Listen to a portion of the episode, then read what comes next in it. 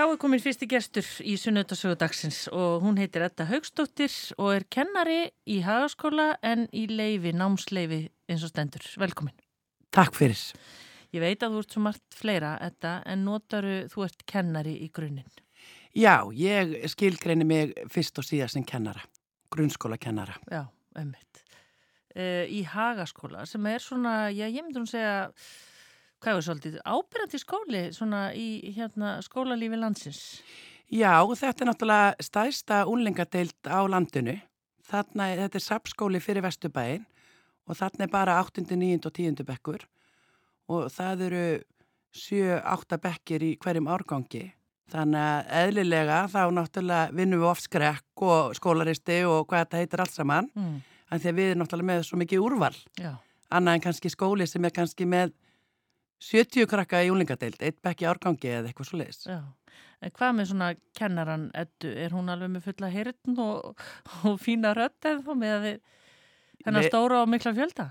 Sko, sko heyrðin er í fínu lagi held ég, en röddin, hún er stundum svolítið tæp, sérstaklega á vorin. Já.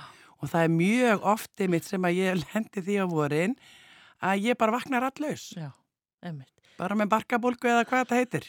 En þarf, hvað er það sem að maður þarf þá að passa sér sem kennari varandi svona rattbeitingu? Þarf maður ekki einhvern veginn að kunna eitthvað svona söngtrykk einhvern veginn? Jú, eflaust, eflaust og ég hef nú farið á eitthvað svona rattbeitinganámskeið en einhvern veginn hérna hefur hef það ekki nýst mér held ég en maður einhvern veginn fer í þennan gýr og ég man nú ekkert mann eftir því þá kom ég heim úr skólanum og og ég segi við svona mér, herru, hefur ekki farið að taka hérna til hérna, þá sagði hann bara, mamma, þú ert hægt að kenna í dag, já. að því að maður fer alltaf svona að tala yfir allt. Já, og nota semst inniröðina frekar. Eh, nota inniröðina, já, já, já og svona bara vera aðeins lágstæmtari, en það er líka, ég líka lærið það mjög fljóðlega í kennslu að til að fá hljóð, að þá er einmitt of gott bara að standa, setja upp sorgarsvip og segja ekki orð bara ég ætla bara alveg að býða þá Já og þá kannski sjá, sjá, sjá, sjá hana, sjá hana, sjá hana og þá oft bara fær maður hljóð bara á örfáða mínútum Já, einmitt Edda, hvaðan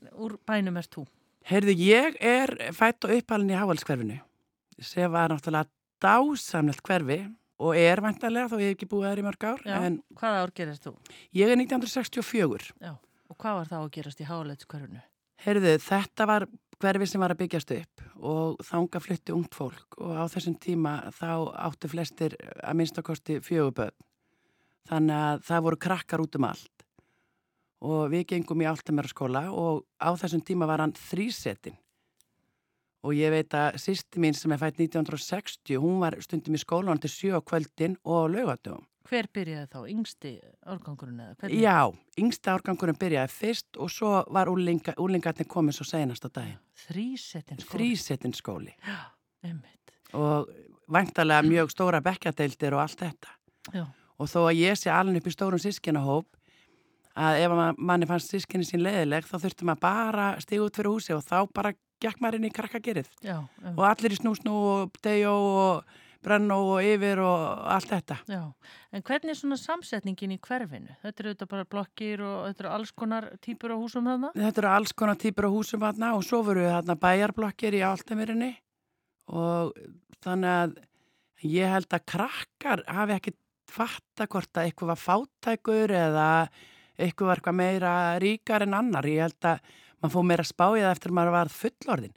Já, það var nú örgulega verið svolítið mikil fáttætt á þessa heimili. Já, ömmit en guð maður spáði ekki í það. Nei, en svona hverði allt í kring, mann er þetta í hug sko bara ármúli og síðumúli og allt þetta, þetta er náttúrulega mjög mjög svona fyrirtæki, er þetta ekki allt einhvern veginn svolítið að byggjast upp að það eða á þessum tíma?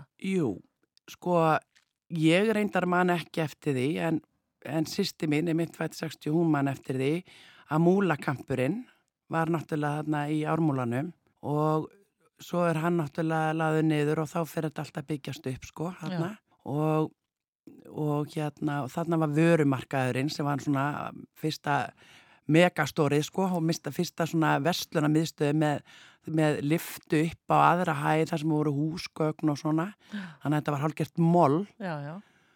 og svo náttúrulega var bara sína og sef það sem að hérna kringlan er núna. Já, einmitt og það var svona forbóðinstaður sko. Já, og þarna var auðvitað komin framara, framara svæði sem að er nú að flytja núna upp í Úlfarsárdal. Heldur betur, Já. allir framarar. Já. Og ef maður er einsinni framari, þá er maður framari all lífið. Já, og var þetta í boltanum? Ég var aðeins í boltanum. Já, ég var í handbolta, Mm en ég var ekkert sérstaklega góð, sko. Nei, mér minnum nú að fram að verið stórvelda þessum tíma í handboltanum. Þa- Já, já, já, já, já, já. Það voru þarna rosa flottar gurri og þessar stelpur, sko. Já, En maður hafði ekki róðið þar, sko, þannig að maður bara snýri sér að ykkur öðru. eins og hverju, hvernig stelpa hérna varst þú? Hvað varst þú að, varst þú bara út að bauka? Ég var út að bauka, ég hef náttúrulega alltaf verið mjög félagslind og alltaf átt stóran vinahóp og hérna, og þannig að ég var bara, já, að bauka með vinnunum og, og leika mér. Já, er þetta vinir enn í dag? Já, margir hverjir og, og einmitt þessi félagamanns úr sem að maður ólst upp með, þú veist, maður hitt þess að krakka kannski, þú veist, að hverjum degi allan grunnskólan og jáfnvel eftir að við fórum í mentaskóla, Já, að þau eiga eitthvað alltaf svolítið sérstenga staði í hjartamanns. já, emmitt. Uh, er þá bara, var það bara að skrifa alveg handritið að þú myndi fara í MH haldandi sig í hverjunu eða hvernig var það? Nei, það var það nú eiginlega ekki, sko, það var eiginlega bara svona skynda ákverðin að fara í MH. Varstu þá búin að hugsa eitthvað hvað þið langaði að verða? Nei, Nei. ég var einhvern veginn alveg, alveg lost í því, sko. En- og með þess að var að hugsa maður bara að fara að vinna og eitthvað svona en, en svo einhvern veginn bara fór ég í þetta. Mm, af, bara því vinninni fóru eða hvað? Já, örglega bara. Já. Maður bara eldi hópin eins og venjulega, skilur við.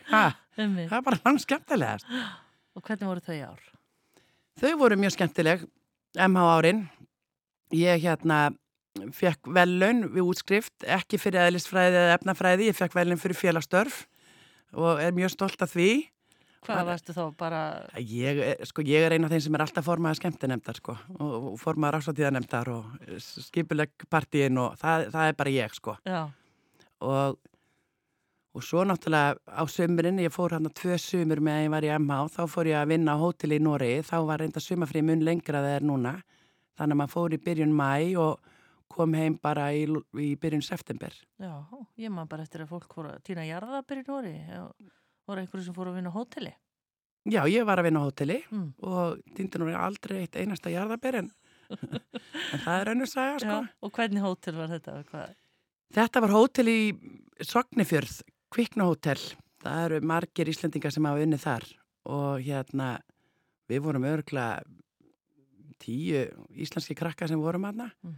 Gistum saman í einni álmu, ofsalega gaman eins og alltaf og náttúrulega gaman að vera í Noregi og í svo geggja veðri sem var þá og, og hérna og svo reyndar setna sumari þá kom ég heim með pakka. Já, Já, hvernig pakka?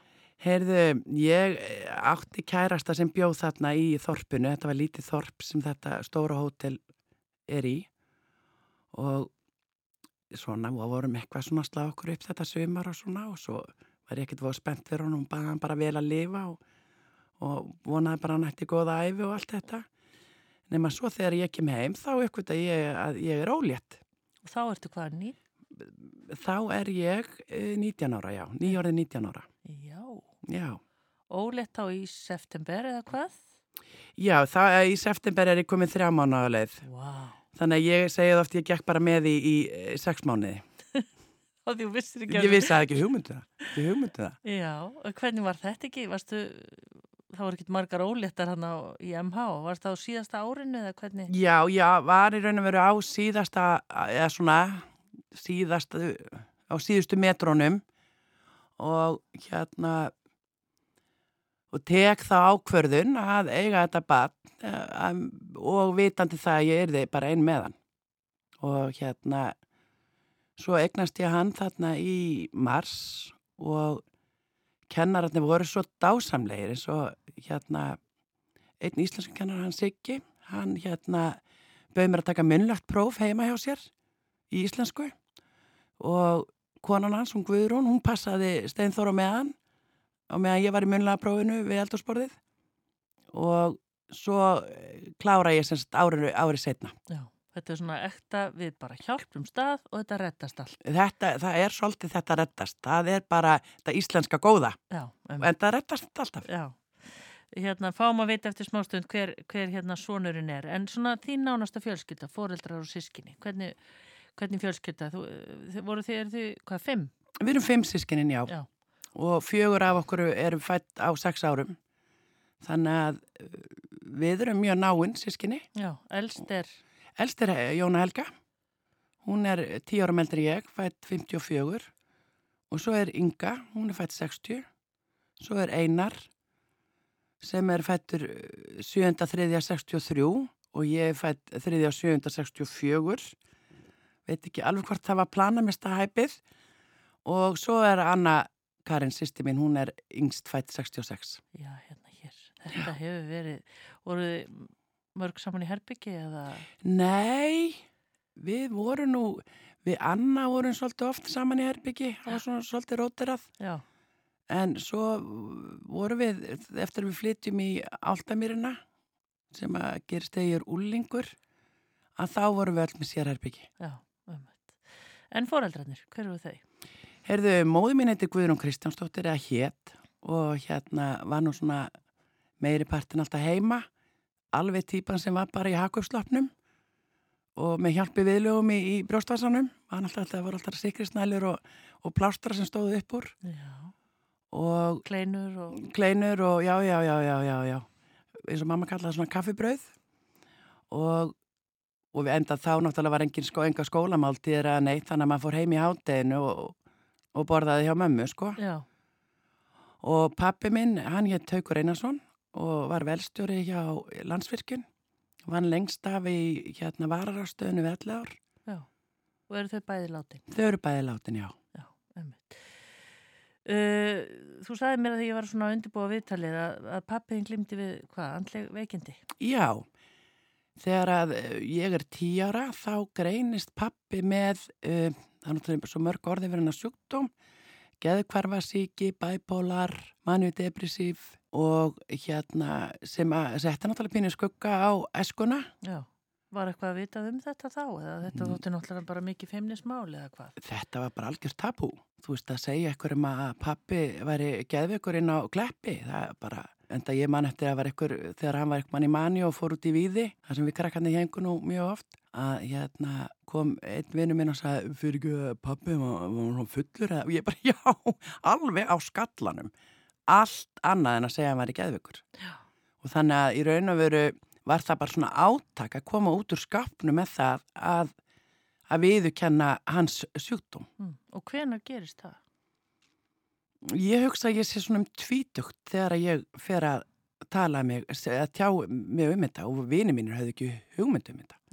En, og þið sískinin ekkit ykkur á milli? Jú, jú, það er alltaf það sem að uh, bjargað okkur að við, þú veist, rættum þetta mikið okkar á milli og við mömmu náttúrulega. Já. Og hverju breytti það að svona opna á þetta? Það er bara, ég get alveg sett mig í spór samkynniðra sem kom út úr skapnum. Þú veist, þetta er bara svona léttir. Að þetta náttúrulega var svolítið stór hlut af mínu lífi. Já. þú veist, hans veikindi þú veist, hvort sem hann var í manníu eða lág í rúminu, þú veist, og, og neyta að fara fram úr eða, þú veist, þetta litaði náttúrulega svolítið lífmanns. Já. Heldur að það sé öðruvísi í dag og því að umræðan er náttúrulega öðruvísi eða hvernig?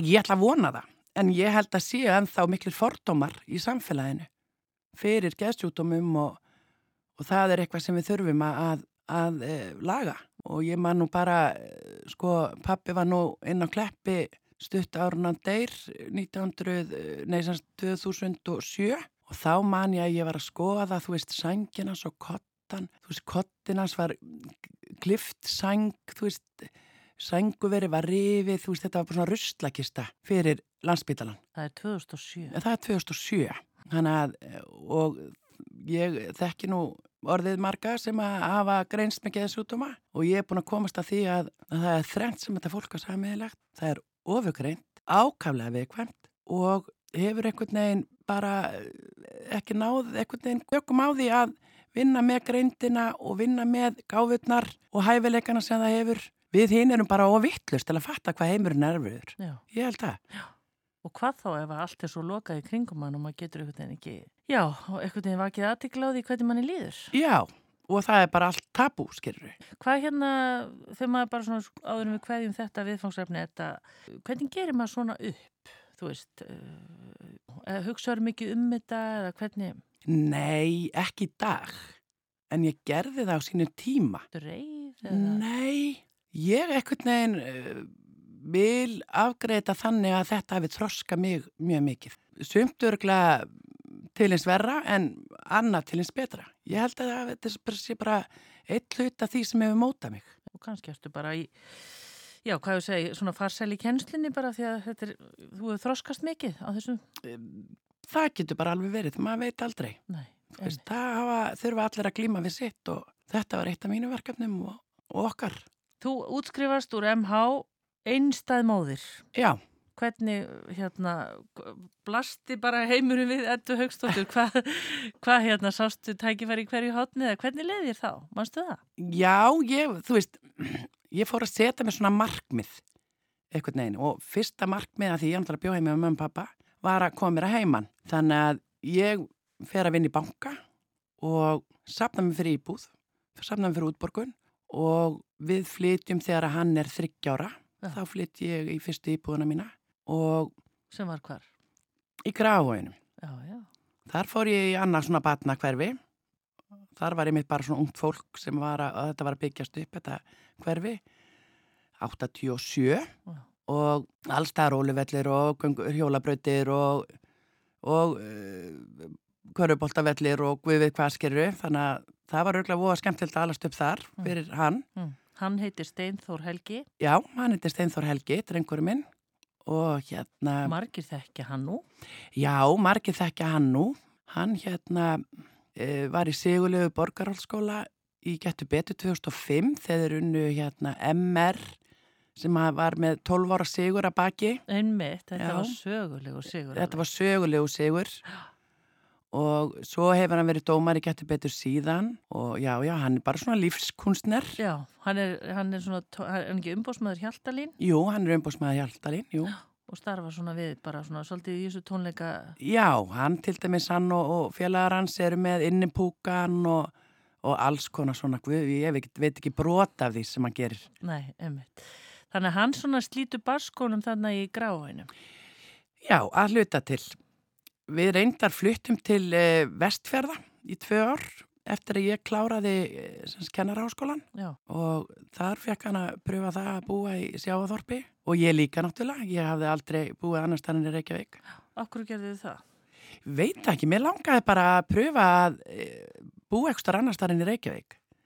En ég setti nú samt marki við að mætti nú ekki vera minna en þúsund manna plás. Já, og var það á Bólingavík? Já, það verið í Bólingavík. Þannig að við flytjum þángað og reyndar Þóra vinkona mín, hún kom með okkur og var með okkur eitt veitur. Hvernig reynsla var þetta? Þetta var mjög magnað þetta, og svona, og ég segja það ofta því að eh, það er það erfitt að byrja í kennslu mm. Að ef ég hafi ekki verið í Bólungavík þar sem ég átti enga vinu og enga fjölskyldu, það væri ég ekki kennar í dag. Nei.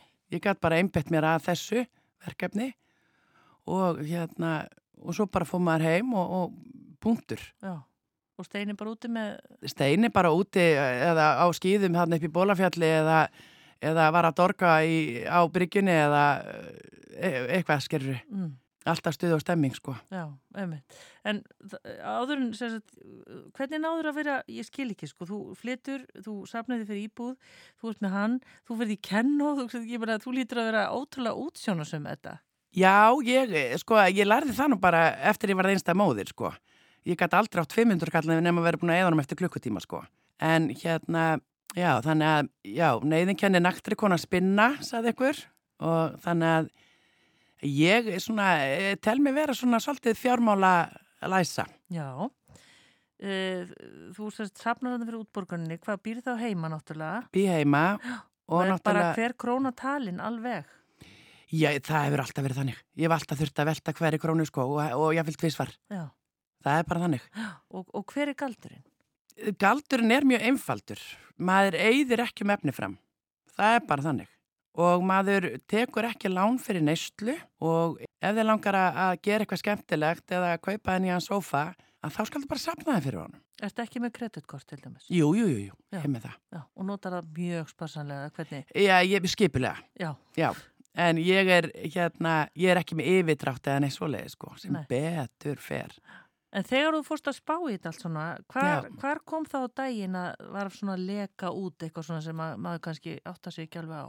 Já, maður þarf sko, maður þarf nefnilega svolítið að vera svolítið gaggrinnin á sína neyslu. Af því að þetta er eiginlega, þarna sparar, þú getur ekki sparað í íbúðalán eða tryggingar eða þú veist eitthvað mjög takmarkað. En þarna getur þú sparað og ég er mitt eftir hrun þegar maður fekk enga aukavinnu eða yfirvinnu, að því ég er nú alltaf vinni einhverja aukavinnu með, með kennslunni, að þá er mitt ákvað ég að skoða neysluna mína í eitt mánuð og að því að einhvern veginn voru endar ekki alveg að ná saman og, og ég tók kvittum fyrir öllu, öllu sem ég kefti og ef ég notaði sæðila þá skrifaði það með og setti í kassan og eftir mánuðin þá setti ég þetta upp í skjál og flokkaði þetta svona gróflega og þá komst ég að því að minn veikleiki lá í sko IKEA blómaval garðeimar og ég myndi og þá var sko þetta var ykkur 45 úr skall og eina sem ég myndi eftir ég að ég kefti ykkur yfirdínu sem kostaði ykkur 11 úr skall. Og mér fannst svolítið mikið að hafa eitt restin í sko í eh, kerti og servittu sko. Það er því að ég gæti enga veginn muna hvað ég hafi keft En þú kaupir vantilega kert og servitur í dag?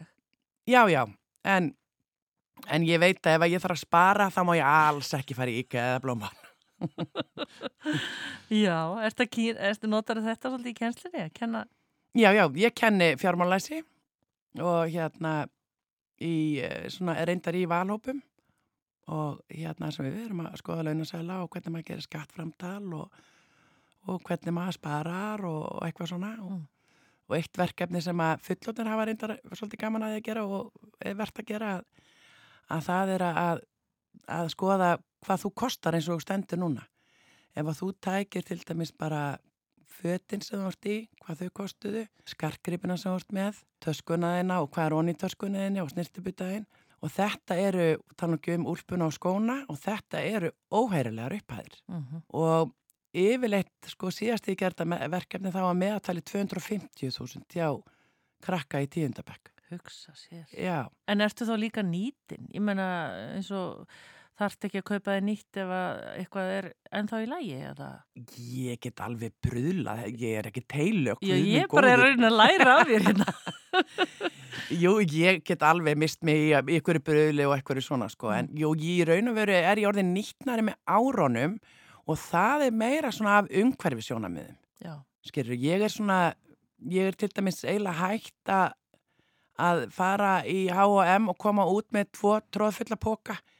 Ég fer kannski frekar í kós og kaupi mér tvo kjóla já. og ef að ég kaupi mér tvo kjóla þá þurfa tveir að fara út úr fataskapnum, það er bara þannig. Já, þetta við kannski förum aðeins aftur í, í hérna, þetta fjármála læsi og eftir. En þetta, hvað, hvað gáfu þessi ár fyrir vestan ykkur, ykkur steina? Já, ég held, þau náttúrulega mótuðu mig rosalega sem kennara, ég held að það hafi aðalega, en ég held að þetta sé bara svona ómetalega æskuminning fyrir Steina. Hann er mitt sagði þegar við komum sko tilbaka í gráin, þá sagði hann, mamma, hvernig fyrir við aftur til bólingavíkur? Aldrei, sagði mammas. Mm. Var þetta oflítið svona samfélag fyrir þig? Eða? Já, og mér gekk illa að komast inn í samfélagið, eins opinn og félagslind og ég er, ég, þú veist, eignaðist ekkert og marga vinkonur aðna og svona, veist, það er svolítið erfitt að koma inn í svona samfélag, Mm. líka því að fólk er vandi að, að fólk koma að fari, Já. þannig að því finnst erfitt örgulega að tengjast svona aðkomi fólki. En, en svona að byrja kennsluna, að fá að byrja í svona vantarlega minni skóla til dæmis heldur en hagaskóla. Já, já, já, verið, já, já, já, já, það, þetta var bara rosa reynsla. Þar fyrir utan ég kendi sko frá 8 til 4 á daginn og að með ég veit ekki hvað marga yfirinu tíma og ég er nú líka íþróttakennari þannig að ég kendi, ég var að kenna frúalegvimi og erbygg og, og alla græðir og ég sapnaði sko vel að peningum þetta, þessi tvö ár sko. já, Fyrra árið þá náði ég að losa múr öllum smáskuldum úr, úr náminu og setna árið að þá sapnaði ég fyrir eh, milligjöf í starri íbúð. já, Þannig að þetta var svona lagði pínu grundill að svona mínu fjárhagslega sjálfstæði eftir námið. já, emmitt. En ef við spólum aðeins aftur tilbaka, þegar þú ákveður að fara í kennó, var það eitthvað svona blundað alltaf kennslukonan í ettu, högstóttur? Nei. Var það líka tilviljun? Ég er ekki beint tilviljun en svona skyndi ákverðin. Það er svo oft með mig einhvern veginn sem bara teka ykkur ákverðin og það er bara ping bong. Að, sko máli var, ég var að vinna í bankanum og, og hérna fannst það bara mjög gaman, skeruru. Ég hefur alltaf átt að fyrst gaman að vinna með tölur og allt svo leiðis og hérna og var hún deildostjóri í innhemtu deildinni og þá fæ ég tilbóð frá einum yfirmanni í yðnabankunum sem að hétti þátt að ef að ég færi í viðskiptafræði að þá fengi, myndi semst bankin styrkja mig. Þannig að ég yrði á eitthvað svona launum, færi í viðskiptafræði en ég myndi skuldbynda mig til að vinna í bankunum í einhvern x tíma eftir ég væri búin í námi. Já. Og ég fór heim og laðast undir fælt og ég sagði bara langar mig að vera í banka þar sem eftir er mér fannst ég eiginlega bara að vera að selja mig sko og vera svo bara skuldbundin til að vera hann í fimm ára eða hvaða var í mannungi og ég bara sagði upp og skellti mér í kennarháskólan. Já, sem var þá þryggjára námið ekki? Þryggjára námið, jú. Semst B.E.D.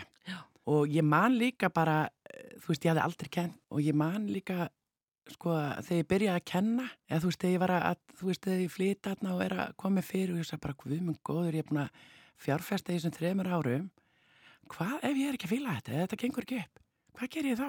En sem betur fyrir ekki ekkert upp. Já, en kennslan er samt bara grunnu fyrir svo margt, maður getur gert ímislegt. Já, já, vissulega og þú veist og, og námið í kennaraháskólanum er svolítið svona bara svona almennt nám og hérna sem að sem að er að nýta á svo margan hátt En ég sá ekki alveg fyrir mér að ég hefði efnaði að fara aftur í háskóla og læra eitthvað annar, skilur við. Nei, emitt. Þannig að, en þetta, það kom aldrei til að ég þurfti að spá í það, þannig að mm. ég hef búin að vera í kennslu síðan 92 með reyndan okkur um pásum. Já, en ef hvað aðeins að hægt okkur út í breytingu á kennara náminu, finnst þér þetta, þetta er orðið hvað, fimm ára nám í dag? Þetta er orðið fimm ára nám. Hvað sér þetta högstótti við því? Það er náttúrulega bara gott og gilt ef að launin væri í samræmi við fimm ára nám sem þau eru ekki og við náttúrulega erum bara að horfa fram á kennarskort í framtíðinni ef ekkert verður aðgjert. Fólk búið að fjárfæsta í svona langan tíma. Já og svo er það náttúrulega bara sko það, og það er bara tölulega staðrindur um allan heim og á Íslandi og hefur alltaf verið að það er rosalega mikið brottfall á kennurum. Þegar úst eftir sko eftir, ef þú tekur árgang sem útskrifast og tekur eftir fimm ár hver margir er ennþá í kennslu að þá er það rétt yfir 50%. Viltu meina bara graf alvarlegt? Þetta er bara graf alvarlegt og reyndar með þessari lengingu þá er, þá er brottfallið að minka á kennurum en það eru náttúrulega miklu, miklu, miklu færri að útskrifast.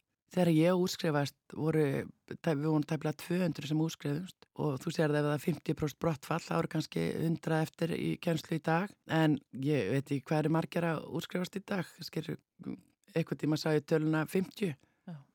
eitthvað árið eftir að þeir lengtu námið sko. Við skulum taka östu klíða núna, Edda Haugstóttir kennari er gestur minn, heyrum hér eftir smá stund af hverju hún er henn að kenna þráttur er að launin mætti nú vera herri og ímislegt fleira því hún er nefnilega í lámsleifi núna og við skulum sjá hvað hún er að bralla þessa dagana. Edda Haugstóttir eftir smá stund aftur. Já, Edda Haugstóttir kennari er gestu minn. Edda, við vorum svona aðeins kominar út í pólitíkina varandi launakjör kennara sem að þú vilt meina mættu vera miklu betri og mættu búa betur að kennurum svo við bara lendum ekki í því að það vanti kennara í framtíðinni og þú segir þetta sé graf alveg mál en er, er eitthvað að gerast í þessu? Finnst þér?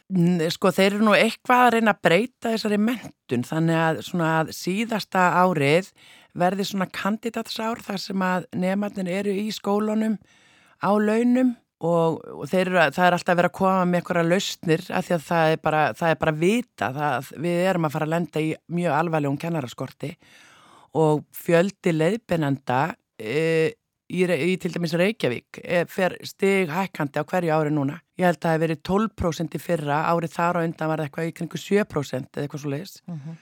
og þetta er bara, þessi, þetta hlutfall er alltaf að hækka og þeir eru endast að koma með lausnir bara að styðja betur við nýliða og eitthvað svona á meðan líkillin er náttúrulega aðalega bara að hækka launin. Gerir þetta meira aðlagandi. Já, ömmut. Auðvitað það náttúrulega líka mikið vakt að stiðja við nýlegana og, og þú veist, og jáfnvel að breyta, breyta náminu og allt þetta. En launin þurfa að lagast. Já.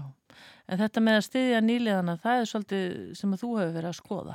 Já, það er það sem að ég er í námsleifinu núna er ég að læra um og alltaf klára master í vor um að skoða einmitt hvernig við getum stutt betur við nýleða þannig að til að minka þetta brottfall. Já. Og hver væri kannski galdunni þar á þess að við ætlum nú að fara í mastersritgerina þína alla? Kom ekki alveg fara að þylja hann upp endur hún ekki tilbúin. Uh, það er til dæmis bara að stiðja þú veist með umsjónakenslu. Fóreldra samstarf er alltaf að verða floknara og meira og, og ofta tíðum erfiðara.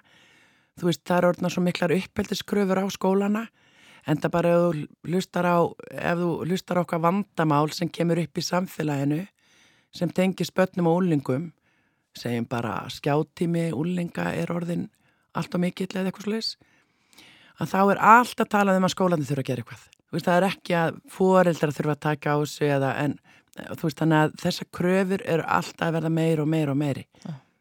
og, og við þurfum að veist styðja nýleðana í þessari í þessum auknu kröfum sem eru gerðar til okkur, þau kunna alveg fögin þau kunna alveg að kenna íslensku eða starffræði eða hvað það er það er ekki, og þau kunna, kunna, kunna kennslufræðina en það er þetta mannlega og þessar kröfur og hversu langt á maður að ganga og, og allt þetta Áhugavert. Hvernig kemur ritgerinn út? Getur við? Herði, hún kemur vonandi út í vor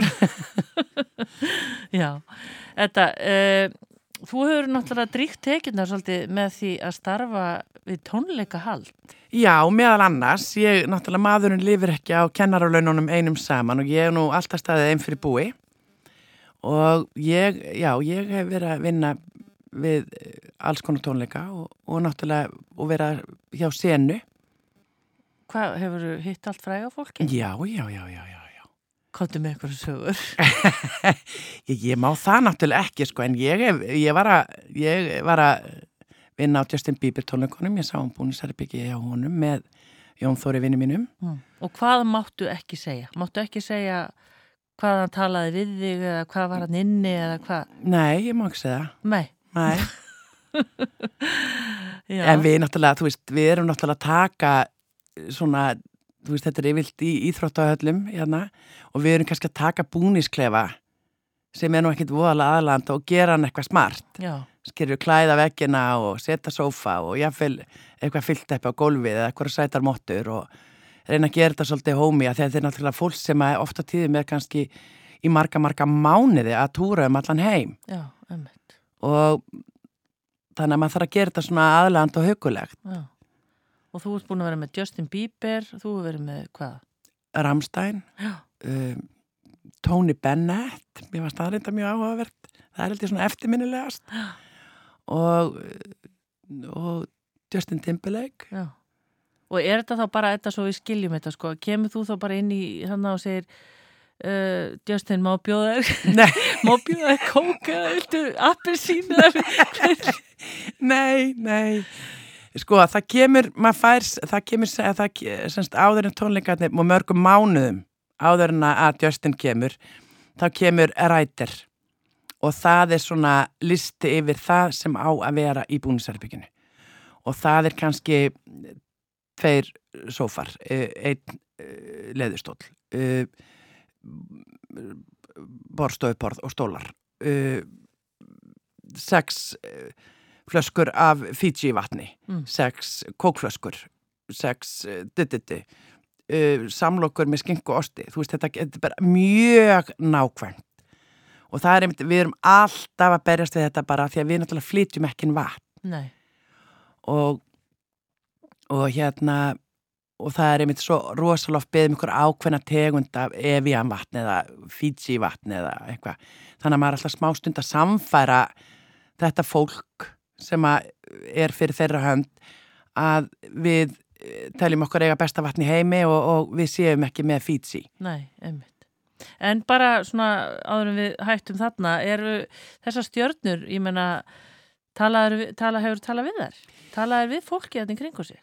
Já, já, já, já, það er svona misjant eða brositímans eða eitthvað svona, maður er, svona, er ekkert miklu samskiptum, maður er miklu meira við aðstofafólki, sko. Já. En áttu selfie með þeim? Nei, ég, það væri ekki mjög vinsalt að ég myndi byggja um það, sko. Nei.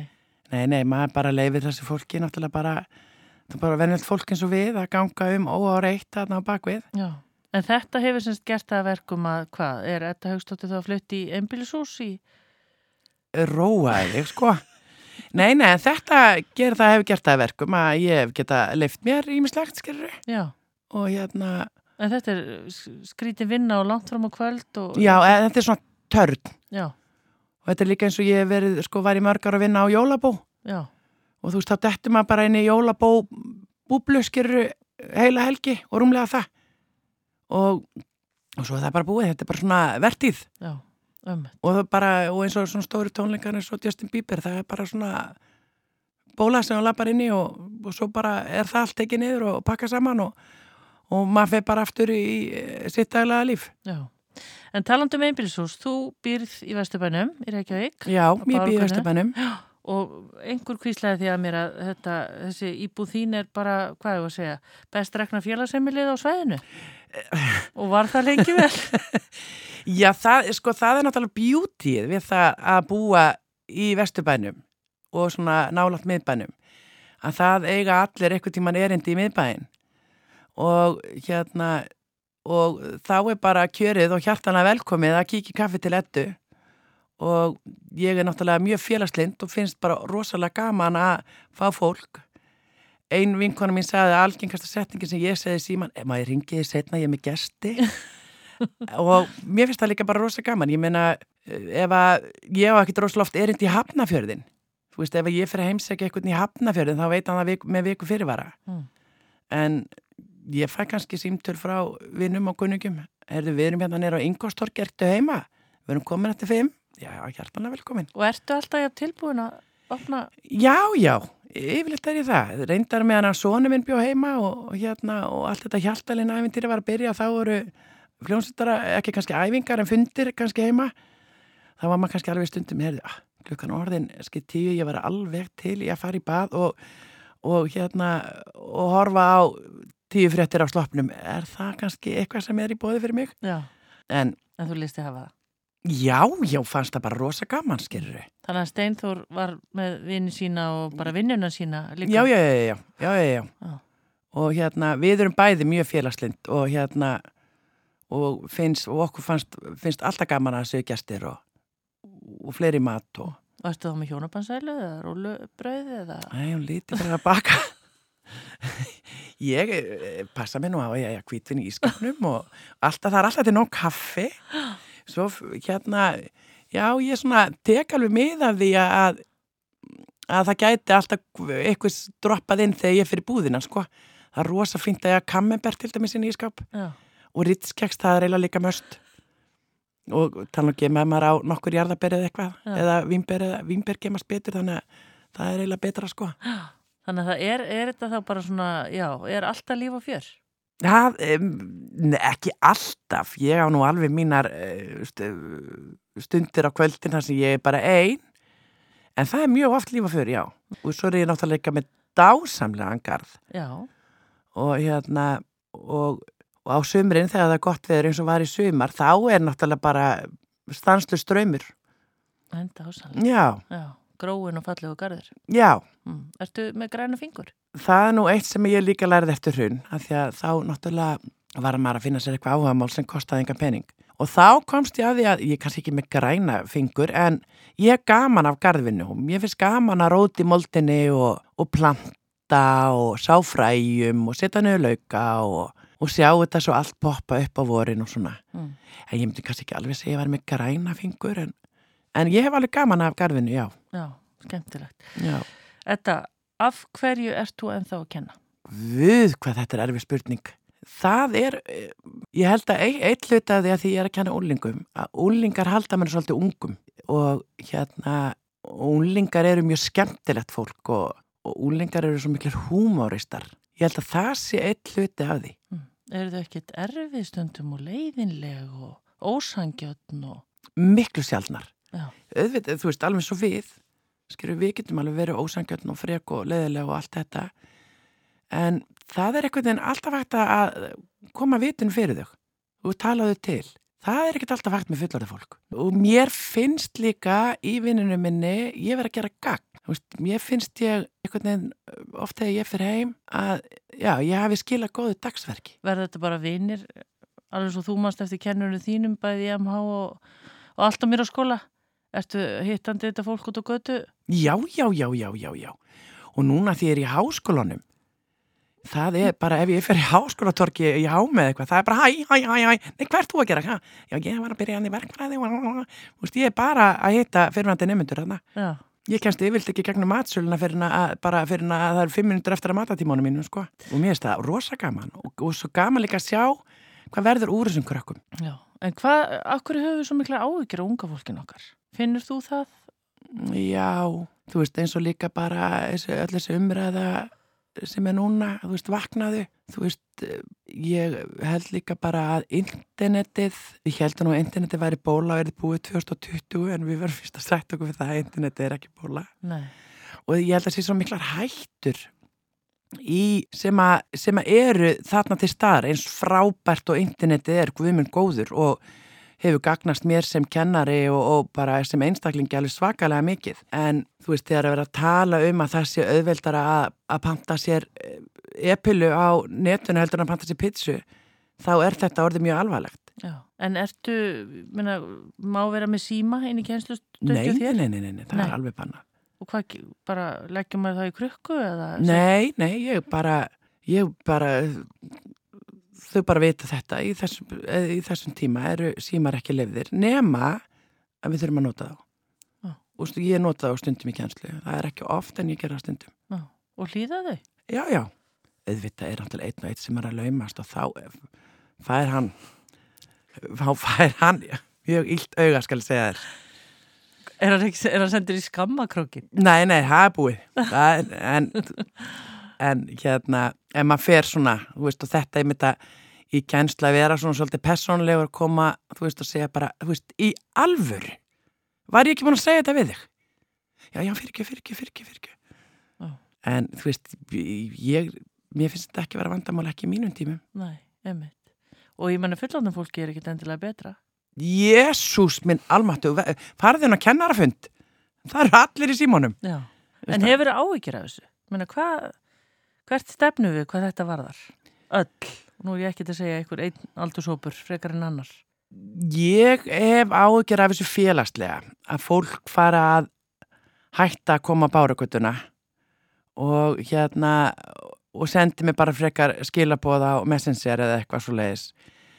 Og ég, ég er hrættum að börn og úlingar ná ekki réttum félagslegum þroska með því að vera alltaf í snæltækjum Við, við þurfum að tala. Við þurfum að tala og við þurfum að hittast og við þurfum eh, að eh, tjá okkur og, og einmitt að geta lesið herbyggið og lesið annaf fólk bara hvernig það notar augun og, og munnin og brosir og allt þetta. Uh -huh. Og náttúrulega tölvu fíknir orðið bara mjög alvarlegt vandamál. Uh -huh. Og finnur þú það á, á eigin skinni bara og reynslunni sem kennari? Já, við minn almáttur. Þú veist, ég er oft með nefnundur sem að sko geta alltaf haldið sér vakanda því þeir eru búin að vera í einhverjum leik alla nóttina, skilur við, eða einhverju. Mm. Hvað getur maður gert í því?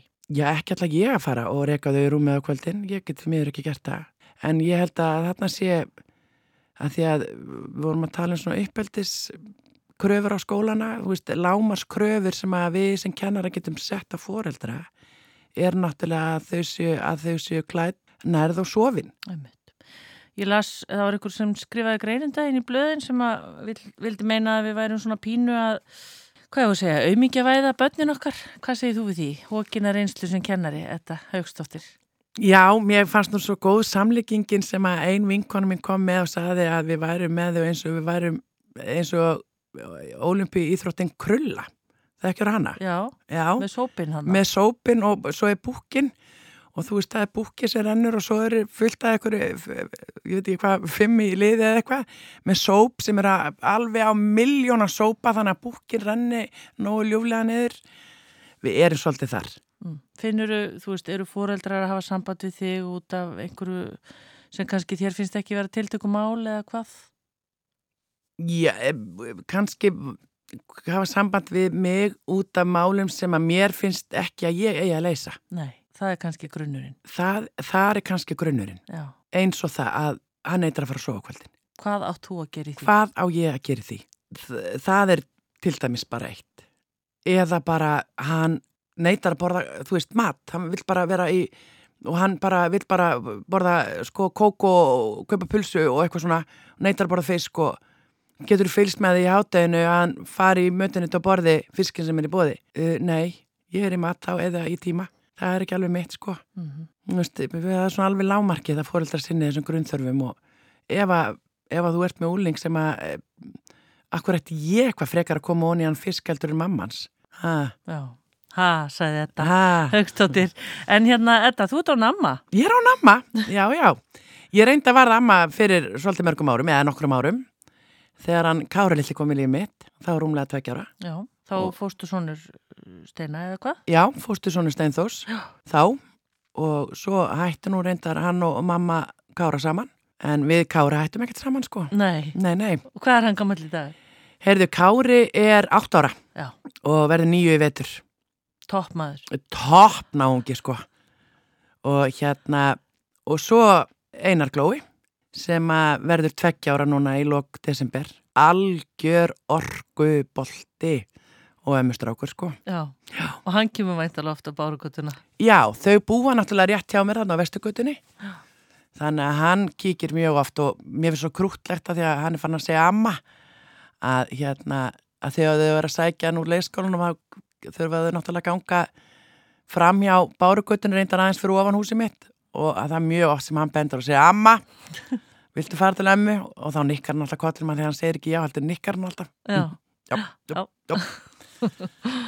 segir ekki já, Já, já, já, já. Já, þetta, þetta er skemmtilegt hlutverk maður. Já, wow.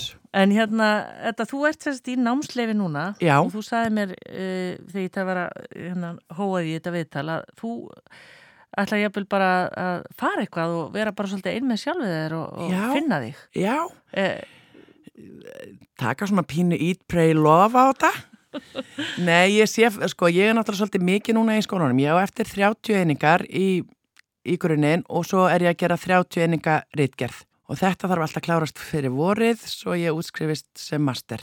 Og ég er núna að taka 20 einingar og svo ætla ég að taka 10 í fjarnámi eftir ára mót og klára rítgerina og ég er nú eina, eða þú veist, sem kennari þú veist, þó að við sem með fólk sé að öfindast út í sumafrið og jólafrið og allt þetta en þá því miður get ég ekki sagt, heyrði, ég ætla að geima mánuð á sumafriðinu af því að ég ætla að fara til tenni kannski í mánuð í janúar og ef ég færi til skólastjórnums mín og segði, heyrði, ég er sem að fara í þrjárvíku til Ífe er, er það ekki lægi? hún myndi, hún myndi senda mig held ég bara í eitthvað mat sko þannig að hvort það væri ekki alltaf lægi með mig mm.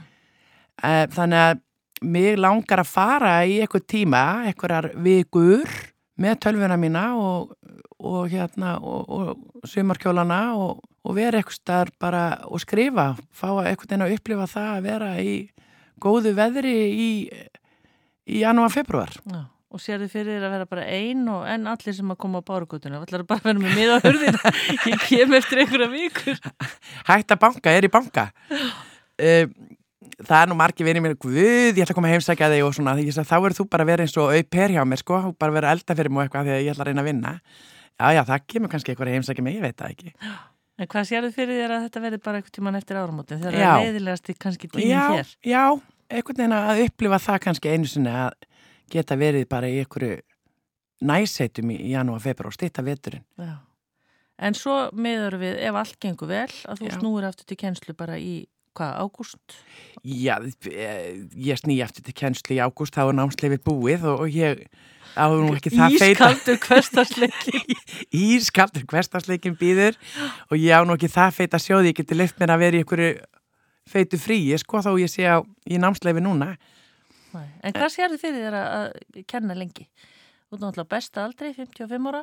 Já, ég sko eins og allt stefnir í núna, þessum kennaraskorti og allt þetta, að þá held ég að við sem verðum komin á eftirlaun, 66 eða hvað það er, að við megum þess að kenna 49% eftir að við erum komin á eftirlaun uh Mhm. -huh. og höldum eftirlaunum okkar og það eru margir kennarar að gera það sem eru komin á eftirlaun. Ég vona ef ég hef ennþá gaman að því að kenna og að ég geri það bara meðan að krakkarnir enn að lösta á mig Mm. og líða mér Já, og geri það sem ég segi. já, Þetta stýst allt um það. En það kemur bara allt í ljós. Það kemur bara allt í ljós. Svo getur vel verið þegar ég er án 66 ári í sig búin að fá algjörlega nóg af þessu. En það er samt sko að þú segir ég sé á besta aldri að því að nú er ég í námsleifi og svo þegar ég mæta aftur næsta haust í skólan þá er í raun og veru bara tíu ár eftir af starfsæfinni. Við vitum það sem er á mánum 55 að það er ógislega fljótt að líða. Já. Svo það er um að gera að njóta þess. Liffa og njóta, halla sér aftur og njóta, já. Stefnum að því, Edda Haugstóttir, kennari, takk kærlega fyrir kominenga í sunnundasögur. Takk fyrir einlegnina og bara gangið vel. Herðu, og takk fyrir mig og þetta góða kaffi.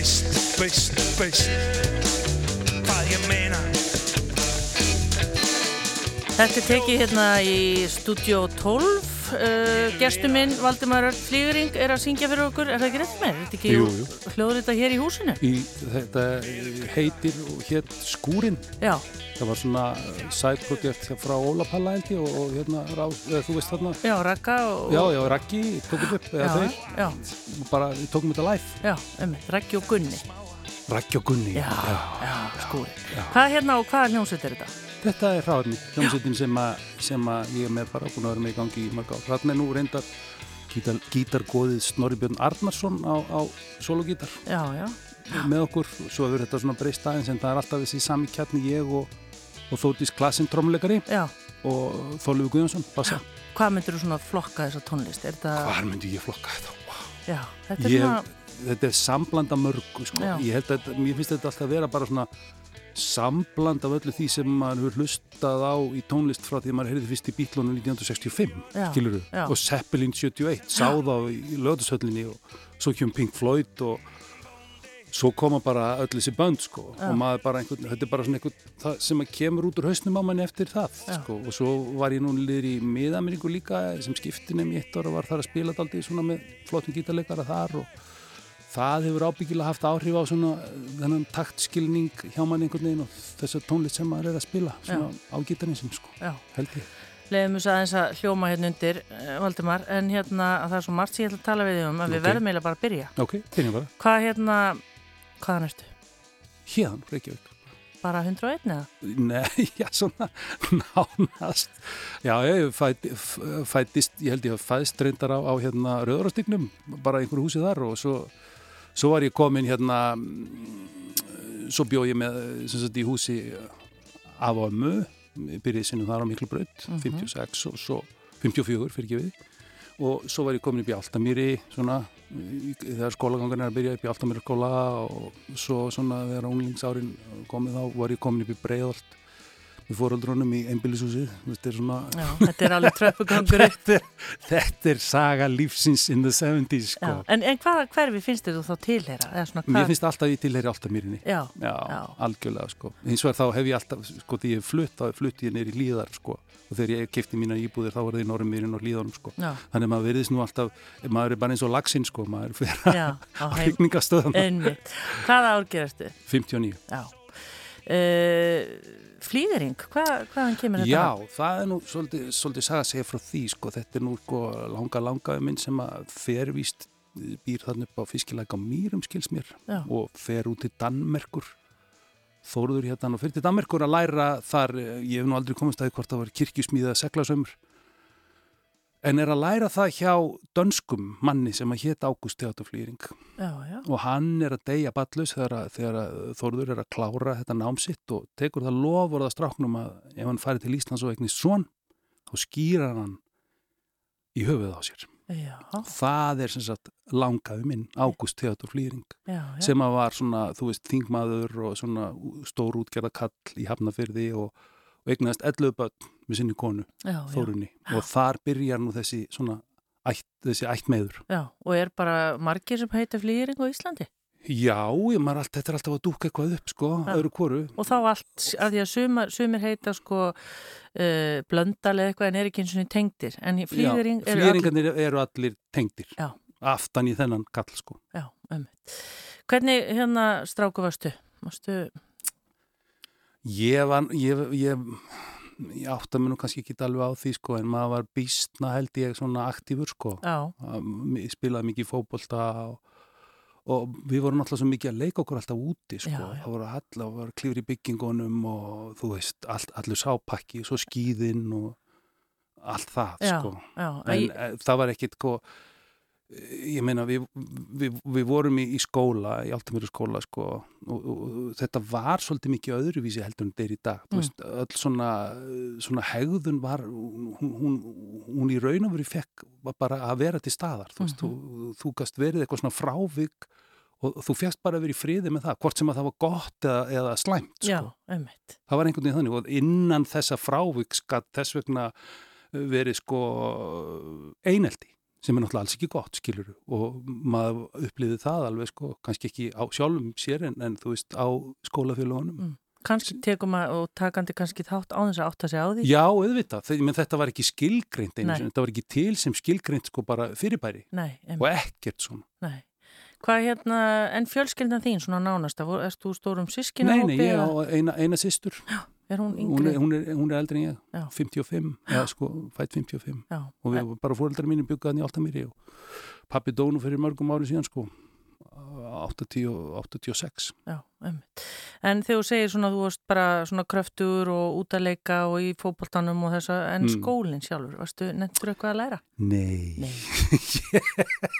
ég, Þú flettir ekkit í gegnum einhverja. nei ég, ég hlusta á kennaran mér finnst það gaman, mér, mér er alltaf þótt gaman að sögum sko, ég fikk alltaf tíu í biblísögum Já, þó ég var ekki sérstaklega trúað skilur Nei. En þú sagði mér einmitt að að ég spurði hvernig ég ætti að kynna þig og því þú Já. ert svo margt að sögumæður. Já, sko, í raun og veru, það, þú veist, leikhúsið, sögur.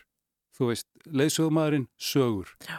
Nú er ég að skrifa alltaf mikið, þú veist, það eru sögur. Já, Þetta er bara, ég meina, ég, ég man alltaf eftir því, fyrsta skipti þegar að ég var að vinna hjá afa mínu þegar, að, þú veist, ég var, ég var tíu ára gammal eða eitthvað, sko, var að vinna hjá hann um byggingavinnu og, og hérna, ég og mamma vorum eitthvað, einhverjum, einhverjum veiðutúr, mikil veiðkerlingur móðu mín og bilaði bílinn eitthvað leiðin í bæin og svo mætti ég vinnuna daginn eftir og ég fór eitthvað að tala við einhverja smið þarna sem voru að vinna þarna hjá afa og var að segja þeim þess að sögu, sko. Og bara heilang saga og þeir bara, já, settust niður og voru að hlusta á mig að segja söguna, sko, svo kemur afi og sér að þeir eru ekki að vinna. Og hann náttúrulega tók fyttið á þá, sko. Skapmaður, Hangs er þetta. já, hangs er þetta. En þá hugsaði ég, sko, já, ok en hann vissi það nú ekki þá að svona æfi mín myndi helgast af jötna, söguhefðinni Nei, einmitt. En hérna fannst þér, fannst þér þá var það þá aðteklinn eða þegar var að vera að hlusta á þig og svona var það? Æ, sko, því ég var svo heppin ég vissi náttúrulega ekkit hvað ég vildi verða en eitt slíkt, sko, en ég gleymi því aldrei þegar ég var í unglingaskóla þá fór ég í svona, eh, þá voruð með sko, ég held ég að vera 14 ára eða eitthvað sliðis og þá var Solrún Bragadóttir söngkona og einhverju fleiri, hörðu Braga og svona skrifuði eitthvað leikrit sem þið ákvaði að setja upp Já. Sem að var fjallaði bara um einhvern, einhvern, einhvern bekk. Og ég var náttúrulega fenginn til þess að leika gödustrákin í bekknum. Og við leikum þetta leikri þarna fyrir á einhverju svona ásöldiða skemmtun eða einhverju og, og, og, og okkur að bara, bara bísna vel tekið. Og ég gleymi því aldrei þegar hann Sverrir, yfirkennari kom til mín og sagði Valdimar þetta var flott hjá þér. Það var eiginlega í fyrsta skipti sem að nokkur, tíma, nokkur sagði eitthvað svona. Það var ekkert verið að rósa mikið nei, það var ekkit mikið af því en þarna sagði þetta var glæsilegt hjá þér. Og ég hugsaði, sko ég, ég, ég, ég, manna ennþá, skilur Mm. hugsaði hvað hrós Já, hugsaði getur skipt miklu máli Já, svona jákvætt streymi, Já. þú veist ekki fara alltaf í neikvæðnina ekki alltaf fara að horfa á þetta ljóta og neikvæða og það, það er alveg nóga því Já. reynum að horfa eins í ljósið þú veist. já sjáum þetta jákvæða í krökkunum okkar Þú hefur bara alveg, þetta er alveg liftir ég, bara þetta næsta... lifti mér alveg upp sko, og þetta fylgdi mér eftir og svo glemdi ég því nú og fór í mentaskóla og alls konar og svo fór ég sem skiptinni myndi miðarmingu 1980 Hvernig reynsla var það? það var alveg óskaplega mikil reynsla eitthvað sem að fylgja manni mjög lengi. Ég fór niður til Miðameríku til Costa Rica var þar í sex mánuði Já. og læriði sko spænsku þannig með að fara að dreyma á spænsku, Já, alveg bara algjörlega sko ég var einhvern veginn þannig, ég var komin yfir skegg og var komin í svona barborskirtu skilur bara, þú veist ég virtist bara breytast í svona einhvern Costa Ricana sko, en fórstu sem sagt í miðjumentaskólanámi eða nei, í endan bara ég því ég var búin að klára. Já, og, af hverju þangað? Var það eitthvað Já, svona... bara, þetta var bara eitthvað valið og svo fekk maður bara eitthvað útluta sko. Já. þetta var um þjóðkirkjunar en þetta var svona eiginlega í fyrsta skipti sem þeir tóku skiptina þannig að þetta var svona þetta var svolítið, það var ekkert prógramatnið neitt sko. Nei. svo eftir hálft ár þá einhvern veginn fannst mér, ég var eiginlega búin að ná spænskunni og, og þetta var eiginlega ekkert prógram og ég hugsaði bara, er mér langar bara til að sjá þessi löndin í kring sko, eins og Nicaragua, Honduras, Guatemala og eitthvað svona sem, sem er allt öðruvísi og mjög forvundileg Og fórstu þá? Byltingin, já, þá fór ég bara á puttan Ha, frá Costa Rica í gegnum alla miðameríku Já. og upp til New York og ekki tægt að vera í sambandi við mömmu eða neitt, hún hefur náttúrulega Þú veist, ég sagðist alltaf að senda sko skeiti einu sinni viku. Gerði það ekki? Jú, ég reyndi að gera það. Ég reyndi að setja sko ég reyndi að setja orðin öll í eina, eitt orð sko, af því það má borgaði fyrir orðið Já, til þess að spara. Og, og hérna en svo svona sum skeitin komi nú ekki sko. Nei, og þá var nú, þú veist, það leið þá bara hálfu mánuð, þrjár viku sem að vissi ekki hvort maður væri lifandi eða döður sko. Sérðu til mér þetta í dag? Núna viljum við helst vita bara hvað börnin okkar er að gera allan sólarhengin Allan sólaringin. en ég, En ég meina þetta, þetta ferðalega lifiði með mér lengi og lifir enn sko. já, hvað fegstu út úr þessu bara, var, var þetta ekki einmannulegt að vera svona einn og ferð? Nei, nei, ég, ég átti náttúrulega kærustu líka sem var hann í Mexiko, ég hitti hana sko, þú Já. veist, og var með henni þannig í gegnum Mexiko svo, en þú veist, svo hitti maður náttúrulega fullt af fólki og lendir í alls konar æfintýrum og maður er svo sjálfuptekinn, þú veist, að maður verður ekki einmann. Nei. Það er bara, en, mjög, það var eiginlega sko að fá að upplifa kúltúr, annan kúltúr, svona fullkomlega öðruvísi heldur en það sem maður var upp, uppalinn í, sko, að fá að upplifa hann bara alveg með líkamann Já, og sálinni. Ég var að spila til dæmis með þarna einhverjum strák frá Costa Rica á gítar sko og ég var mikið að hlusta á salsamúsikina svo undir lokin þá var maður farin að hlusta á einhverju útastöða þar sem að salsa var alveg rosalega djúft sem að þýtti að maður var komin ofsalega langt inn í bara karakter já sem var ofsalega gaman sko. Já. En, en Valdimar, þetta hefur líka verið auðveldara af því þú varst komið tungumáli. Ég hefði aldrei getað gert þetta. Nei, nema því að ég var alveg fluently þú veist, á, á, á, á spænsku og talaði raun og veru dialektikina þannig að þegar ég lendi í einhverju löggu sem ætlaði að fara að bögga mig í Mexiko og svaraði ég henni bara strax á dialektikinni Mhm. og, og bara smá kjaft sko. Já. og þá hugsaði hann bara eitthvað, hann var nú fullur sko þá hugsaði hann, "Æ, þessi kall veit mikið maður." Svona. En ertu ennþá með spænskuna alveg, getur þú... Ég sko, mér finnst það svolítið fyndið að ég er svona fljótur að pikka hann upp sko, ég, maður náttúrulega næri ekkit að þjálfa hana hérna sko, Mhm. þannig að það er ekkit, það er ekkit mikið, en, en leiðu ég hitt einhverja uh, spænsku mælendi þá oft detti ég í samtölu á spænsku og allt í hennu stóði maður því ég var einhvern veginn er á spáni og var ég allt í hennu farin að koma inn í eitthvað small talk við einhverja spænska stelpun á einhverju, inn á einhverju ferðarskristofu, bara 1, 2, 3, þú veist, ég hugsaði bara, og kona mér sagði bara, "Bíddu, hvað varst að segja? Já, Og ég vissi það ekki sjálfur, en hún skildi mig alveg.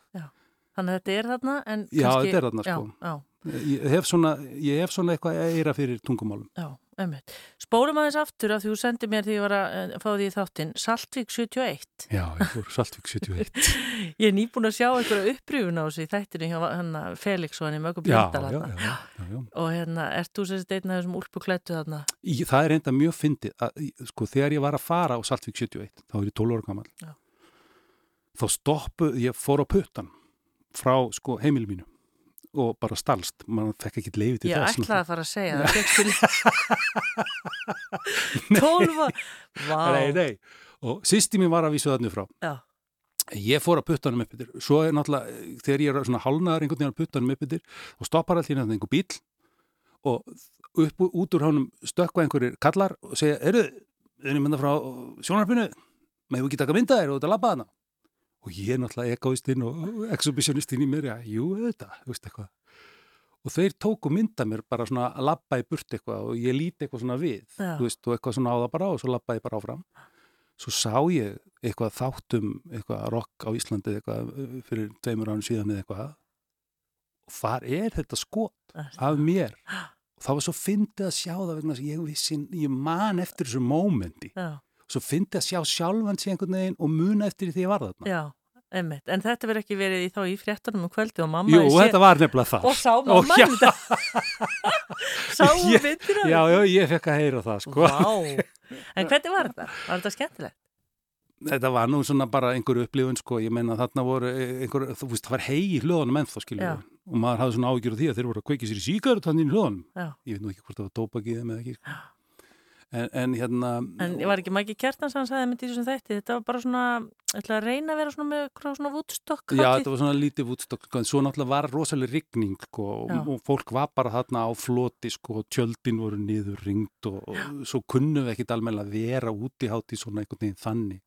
En ég er svo upptekinn af þessu 12 ára Valdimar, var ekki náð í því, hvað, fjegstu bara að vera þetta, ég skilit. Ég fór reynda tvísvar, Já. svo fór ég í bæinn um kvöldið og svo fór ég daginn eftir upp eftir og þá held ég að þau hefði séð mig og svo komu þau upp eftir og náðu í mig, sko, þá var ég nú búin að hitta vin minn þarna og við vorum búin að týna saman einhverja flöskur og fengum að kaupa okkur þarna Saltvík 71 bólinn, sko, Já, já. og hvar er hann í dag? Já, hvað hann væri dýrmættur í dag Saltvík 71 bólurinn sko. það er flottasti bólur sem ég hef nátt um Ó, legnast hann hefur farið í einhverju tiltektinni. já, hann árið. bara, já, hvað er Já.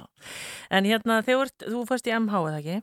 Eða jú, hvað? ég fór hjá má Já, var það eitthvað svona, byrjaði að leiklistar á hinn já, já, já, já, já. Við, við, ég, við fórum í svona leiklistar uh, pakkanstags, e, hafði ég enga svo, svona beint meðvitundu mig sem leikara þá, svona, svona til að byrja með samt sko við verðum ge- gerum þetta músik, ég og Guðni hérna Rúnar Agnarsson hérna og Maggi Baldurs, kunningi mínir og Óskar Sigursson, við Já. gerum músik við leikrit sem að Þórun Sigurðardóttir var að leikstýra. Uh, heitir hérna Drekin í Evgeni Svarts Já, og ertu þá byrjaður í eitthvað svona hljómsveit? já, já, þá vorum við svona einhverjum hljómsveitum já. eitthvað, að gera eitthvað skemmtilegt En það vart ekkit endilega búin að sjá því sem leikara? Nei, en svo bara árið eftir þá er hérna hann Guðmundur Magnússon að setja upp Andorra. Og hérna þar, var, þar fór ég bara í aðalutverkið Já, og kærastan mín í, í eitthvað annað hérna svona stórt. Já. og það var bara mjög gaman. Já. og þá svona fann ég fann ég hennar feeling sko. Mjög, mjög svona einhvern veginn fann að ég hafði þessa orku einhvern veginn já, það er mjög skemmtilegt það, ég, ég fíla það þegar, að, hérna, þegar maður finnur að maður getur einhvern veginn, maður hefur einhverja útgislu já. og hún kemur einhvern veginn hún kemur svona eðlilega. Ég- I can't help it en fóstu svo þá í indökuprófið þegar þú varst búin að vera í, á ferðarlegin? já, þá fór ég, sko, það var þannig Fókin á að í Mexiko þá hérna þá hittum við þarna fólk og við heyrðum að einhverju ossalega flottir í svona leiklistarháttíð einhverstað á, á vestuströndin í Mexiko og, og ég og kærasta mig þá Helga Bjartmars við, uh, ég get náttúrulega sagt frá því núna við hérna fölsuðum svona blaðamannapassa. Já, já, vinnur okkar hann áttu svona, svona til þess að setja hann inn í plast og svona eitthvað, þetta leit mjög vel út sko. Svo fórum við bara þarna og þóttist vera blaðamenn og við fengum bara hótelherbyggi og ókipismiða og allt sko. Og, og þá var ég búin að vera að hugsa mikið um sko, hvað ég ætti að gera, hvað mér langaði til að fara að læra og þú veist það var sálfræði, félagsfræði og svona, ég bara var ekki minn eina sko einbeitingu í þetta einhvern veginn, þú veist, það var náttúrulega, ég ætla ekki að, hérna, þú veist, eh, afnýta því að það var, maður var búin að draga svona ímislegt tón í lungun á sér, sko, Já, á já. þessum tíma. Já. og, og sem að kannski svona eitti aðeins svona aðtiklis gáfinni á, á köflum, allavega dreifð þenni, skulum við segja. Og, og ég svona einhvern veginn sá þarna þetta leikrit og, og eða svona nokkur þarna leikrit og ég fór að hugsa, heyrðu, ok, ég hafði alltaf glemt strax sko, já, sálfræðina hugsaði í mig vik og svo var hún horfin, horfin bara félagsvæðina og svo var hún horfin og ég bara búin að gleyma því og greinilega bara ekki náðu mikið áhug. Já.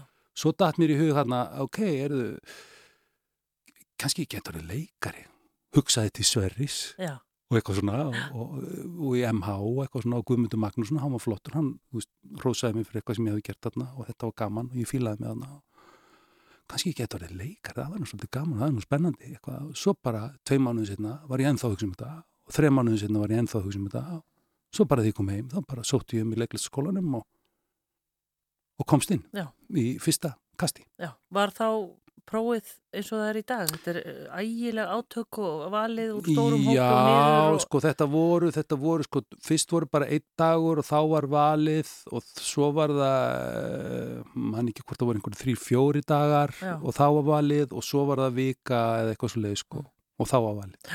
Og þetta er svona, þetta er, þetta er svolítið töff að fara í gegnum þetta.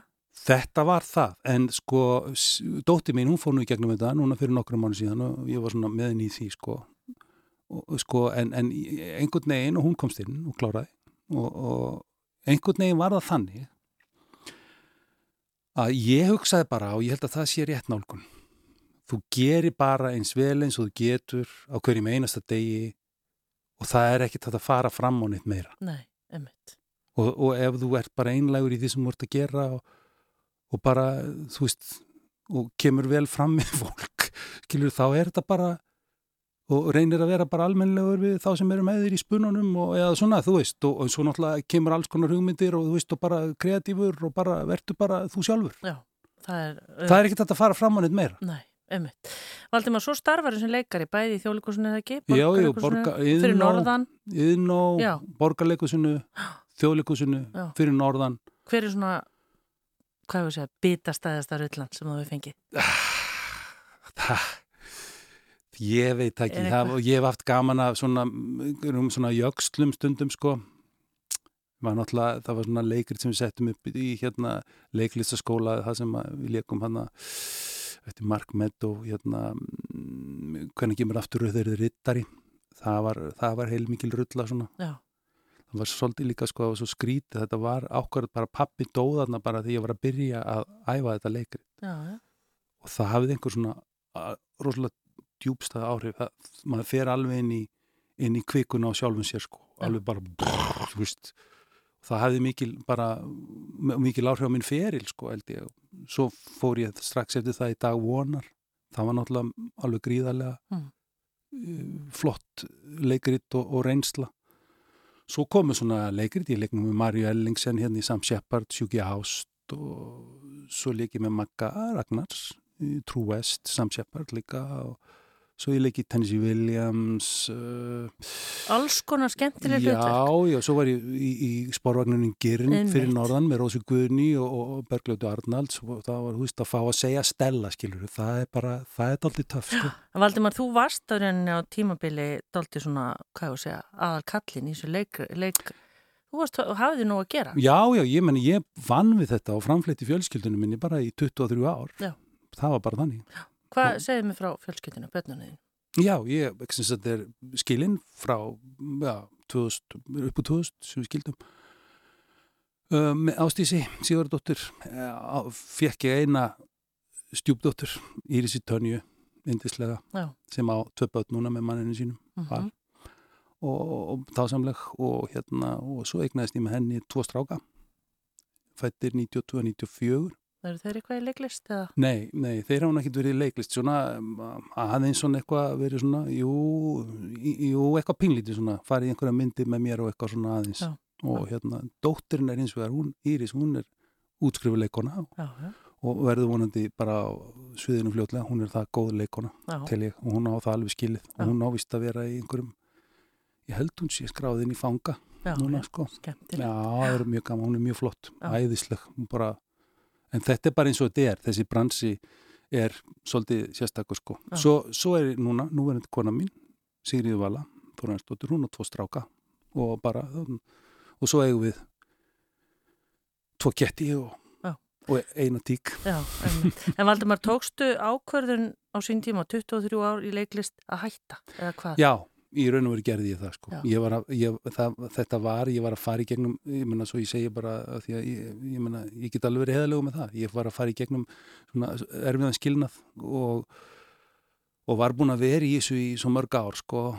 Og mér fannst þetta einhvern veginn ég var ekki alveg nóg fullnaður. Mér fannst þessi hlutverk sem ég var farin að fá ekki alveg nóg spennandi einhvern veginn og það voru þarna ungi menn á undan mér sem er núna eru, þú veist, minna, eins og Yngvar og Balti og Hilmisnær og svona sem að voru náttúrulega svona búin að taka við þessu heitju hlutverki og, og, og, og orðnir mjög svona áberandi í þessu öllu saman og maður var svona fá svona, þú veist, þegar, þegar ég var farin að leika svona þriðja pervertin í röð, skiljum, svo, svo ég sé nú bara heiðaleg, sko, eða svona einhvern veginn, einhvern karakter sem að maður var ekki alveg að blómstra í, sko, sem að var svona einhvern veginn, þá einhvern veginn sagði ég bara, heyrðu, og, og þetta var sko, og ég var honni kjallara í, á smíðavestæðinu að leika og, og hérna það var myrkur úti og, og ég gæti ekki farið í skíðaferðið að nokkur skapa hluta því maður var svo bundin í leikúsinu og landorfun stóð þarna fyrir utan og var alltaf mjög augrandi sko, kontum með mér upp á fjöll, förum saman, gerum eitthvað bla bla bla. Þá einhvern veginn hugsaði ég, heyrðu, byttu ég er búin að vera hérna í 23 ár. Já. Er þetta ekki bara Langar að gera eitthvað annað? Já, er ekki bara alltaf lægi, þú veist, að bara segja, heyrðu, ég menn, ég get gert þetta, þá er mér langa til að gera það. Ef það kemur eitthvað svolítið upp á, eitthvað svona tilbúð, eitthvað, þá er ég alveg til að skoða það, en er ekki bara allt í lægi bara að tekka á því, sko. Svo líka annað, að við þessi kynnslóð, við höfum fengið bara 20 ár, aukalega. Bara, bara þessi kynnslóð. Við erum 20 árum eldri, verðum 20 árum eldri að meðaltali og erum bara heilbrið og hraust sko. Þetta þýðir í raun og veru tveir ferlar Já, en það þarf samt, sko, Valdimar, það þarf ákveði hugrekki að fara úr svona öryggi og hvað ætlaði að fara að gera? Man hugsa var ekki sagt, og hvað? og að bara að lifa á loftinu og getur verið á landráðundum og skýðum? nei, nei, ég bara, ég byrjaði á því bara ég fór að mála hús bara, það var bara maður sem að vantaði bara málra og, og ég er nú handlægin og ég var bara farin að mála einhverja bílakjallar upp í breiðolti bara með einhverjum göllum og, veist, og, og mála bara hvitt til að veist. og fórstu svo fjöllum helgar eða hvað? já, já, svo kom bara túrismin Þetta er hvaða ár? Þetta er 2004-2005 Já, eitthvað sluðis Þá er svolítið allt að fara í gang. Já, þá er allt að fara í gang og það er bara mjög fljótlega er eitthvað ringt í mig að því ég átti einhvern jeppa, getur þú farið með þannig fólk sem er að koma inn á, þú talar um einhver tungumál eða ekki og getur þú farið með upp á langjökul við ætlum að vera með einhvern snjósleðar og þá var þetta eitthvað bara að byrja, sko, ein, tvei snjósleðar og Já. Og við ætlum að hitta þið þar og getur þú farið með þið upp yfir og ég vissi ekkert hvað ég var að gera, jú, jú, auðvitað get ég gert það eitthvað og þú farið borgað fyrir þetta eitthvað svona og svo bara byrjaði boltin að rúlla og rúlla og rúlla og nú er þetta bara Mm, Og svo ákvaðstu að menta því. Já, ég svo fór í leðsúskólan, bara tók mér langan tíma reyndar að því ég var svo busy. Já, en var það ekki svolítið töff að setjast á skólabekka eftir öll þessi ár? Já, það var bara frábært. Já. Þetta var bara frábært. Þetta var bara svona concentrated, sko, bara mentaskóla árin. Já. Með fögunum sem að er skemmtileg. Mm. Náttúran. Þú Veist, ég er mikill náttúrunandi og Já. hef alltaf verið að veiða og skýða og út um allt, Já. skilur. En hvernig farastjóri ertu? Hvað gerur? Hvað, er, þú ert ekki í rútunum hérna? Nei, nei, já, ég meina, ég, ég get alveg gert það. Ég var nú núna til dæmis bara í gær með einhverja 64 hollendinga sem bara, svona, mér finnst alltaf að gera eitthvað ólíkt, bara til þess að fá tilbreytingu. Yfirleitt er ég bara með fjölskyldu eða eitthvað bara í jeppa eða eitthvað. Ertu þá bara með þitt eigi fyrirtæki? eða? Nei, ég var nú með fyrirtæki sko en svo bara einhvern veginn fannst manni það ekki passa að vera að vinna hjá öðrum og vera líka með fyrirtæki þannig ég er eiginlega bara núna sjálfur bara, vinn bara sem verktæki hjá öðrum þeir Já. ringja bara í mig og eru annarkort með bíla sjálfur eða ég er með bíl og svo fer ég bara næði fólkið Já, gaman. Já, Og er þetta þá fólk sem er svona, já, hvað ég segja, svona, vill fá svona já, þessa upplifin? já, vill fá þessu upplifun sko. það, er, það er fullt af fólki sem gerir það sko, Já. sem vill bara fá gæt frá landinu, hitt einhvern frá landinu sem að getur sagt skemmtilega frá og, og náttúru upplifunin og jarðfræðin og eitthvað svona og fara einhverju staði og útskýra hluti og Og þarna getur Valdimar sagt sögur. já, þarna get ég nefnilega sagt sögur ég hef mjög gaman að því að segja fólki sögur En hvað er það sem þau hérna sækjast í svona aðalega? Er þetta, er, erum við ennþá að tala um alveg ósnortnar náttúru eða er ekki fólk orðið allstaðar? það, það, er, það er alveg bara helst ekki sem ekki sem ekki, ekki mikið af fólki sko það er svona, það er aðeins farið að virka svona fráhrindandi, þú veist, ef maður kemur klukka nýju á þingvöld á mótana Já, þá er, þú veist tíu rútur eða Já. og hvað gerur við þá? þá kemur bara aðeins einna eða aðeins Ma, það er nefnilega þegar maður er með svona prívatúr þá getur maður svona aðlagana aðeins að sko. veist, eða þá maður fyrir einhvern aðeins öðruvísi stað eða eitthvað, veist og þetta er nú það sem að fólk er og svo vill að bara fá að sjá auðnina sko, það bara, þú veist ma ma maður eiginlega, því maður er í hérðan sko, þá, þá fattar maður stundum ekki alveg sko, en þú veist, ég get verið með einhvern bara miljardamæring frá Ameríku sem búin að ferða stundum allan heim og, og ég var einhvern veginn að keira með hann norður, ég- hann var að veið í Vastalsáni og svo komum við upp úr göngunum sko og keirum hann inn á Mýratnar hann já, uh, norðan megi við Akrafjalli í raun og veru. Já, og allt í henni segir hann bara wow og ég eitthvað yeah, this is great. Þú veist þetta er ekkert sérstakt. En þú veist, já, já, þetta er frábært eitthvað veist, þá, bara, þá er það bara, bara opnunin sko. það er ekki fólk og byggingar og tré og þú veist og, og þau, þau sjá eitthvað og ég sagði bara, þú átt nú eftir aldeilis að falla í stafið þegar þú sérði eitthvað aðna fyrir norðan sko, eitthvað svona, þetta er nú bara piece of cake við hliðin á því sko, Já. með fullir virðingu fyrir þessu svæði sko, Já, einmitt. ég er nú reynda þér rættaði það. Já, en áttu þér eitthvað svona uppáhaldstað eða viltu það er ekki nú gefa svolítið merkilegt. Eh, eh, sko, þingull eru alltaf einhvern veginn minn uppáhaldstaður Er það? það er svo margt sem að er þar sko. það er jarfræðin og það er sagan og svo náttúrulega bara, ég var þarna sem polli með papp og mömmu að veiða og þú veist, í tjaldi og þú veist, og bara það er eitthvað og alltaf því ég kem aðna, hver, þú veist, ég veit ekki hversu oft ég kem aðna alltaf er þetta ólíkt alltaf er byrtan einhvern veginn öðruvísi náttúrun, þetta er aldrei eins aldrei, nei. En- ég var aldrei leiður á þessu Nei, einmitt. En, en finnst þér, hvað var ekki á tímabili allt og mikið fólki hérna? Er þetta ekki bara fínt að grísa Jú, þess ég, aðeins? veistu, ég, ég, veistu, ég held að þetta sé bara allt í fína. Þú veist, það er bara aðeins fækkað, bara vestað skuli fækka kóta á landi. En það má, sko, þeir þurfa alveg að fara að hugsa um það hvort þessi hægt að setja einhvern almennilegan flugvall einhverstað, sko, til að dreifa þessu. Vegna þess að fyrr dreifist það ekki. Nei. Og það er það sem við þurfum að gera. En ég held hins vegar að hafi aðeins hægt á þessu, það held ég sé bara hið besta mál. En það sem mér finnst vera að fyndnast er það að þegar að sko ferðamálar á þeirra fyrir að tala um það að nú hægist þetta aðeins og þá getum við nú farið að skipulegja okkur.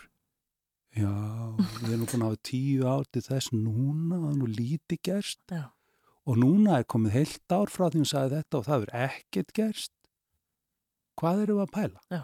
Þú Hvað ertu þá að tala um innviða? Ég er að tala um innviðana, ég er að tala um, ég fer á Jökulsálón og ég bara segja það hér í útvarpallar landsmanna í beitni útsendingu.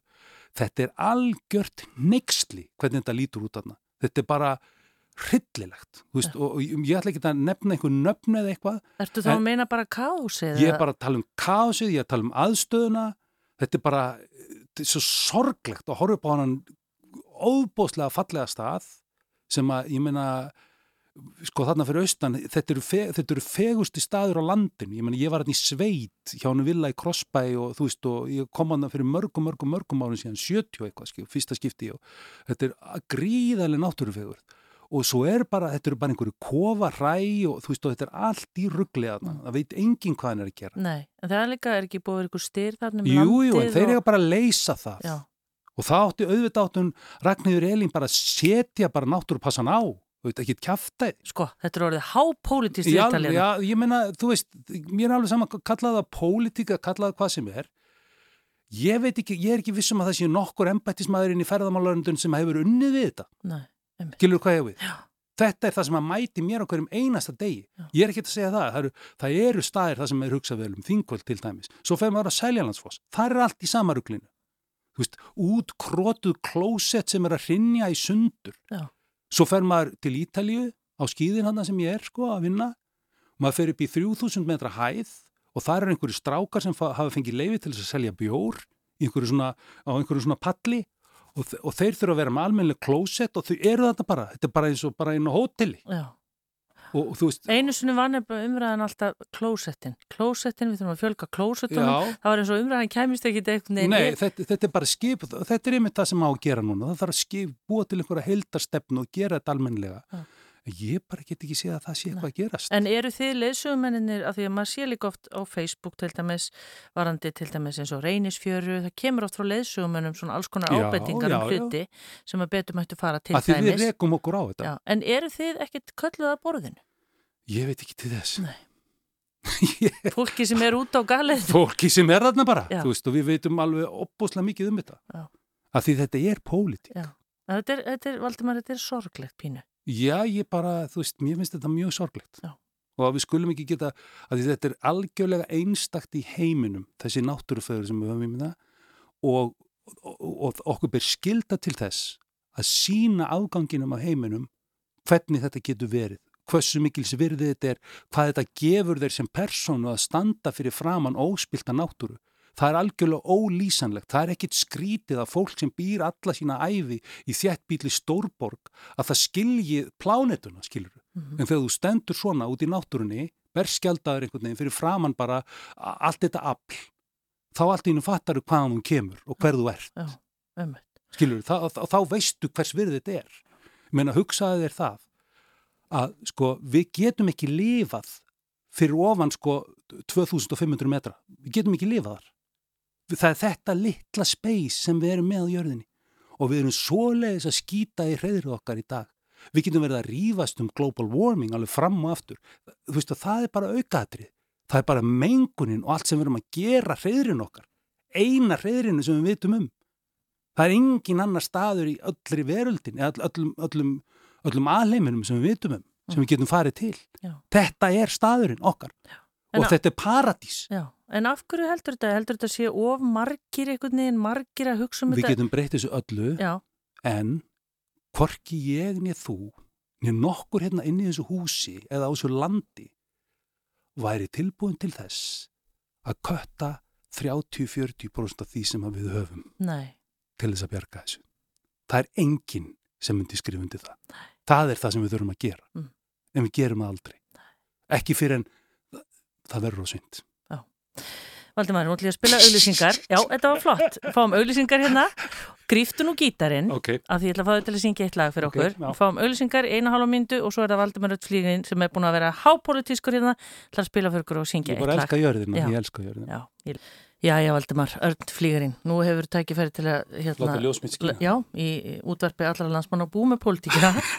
já, hvað bara, fáðu til að syngja lagi núna. Því, Já, að, hérna, Nú þurfum við að tala um ástina. já, nú ætlum við að tala um ástina. Að tala um, þetta, þetta er lagið um ástina. já, heyrðu, gjör svo vel. Takk.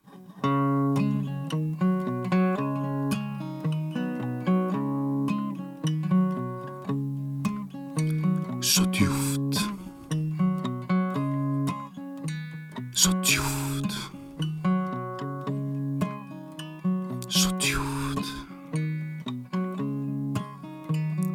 djúft Djúft í grænum skói Himna stegar glitra. Sleikja djúpan svörðin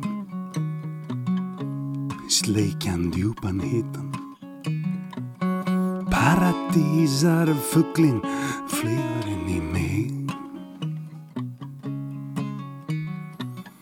Paradísar fugglin Flygur inn í þig. Án þín engir skuggar Án þín engir gluggar Án þín engir fugglar Og án þín engar legar Paradísar fugglin Flygur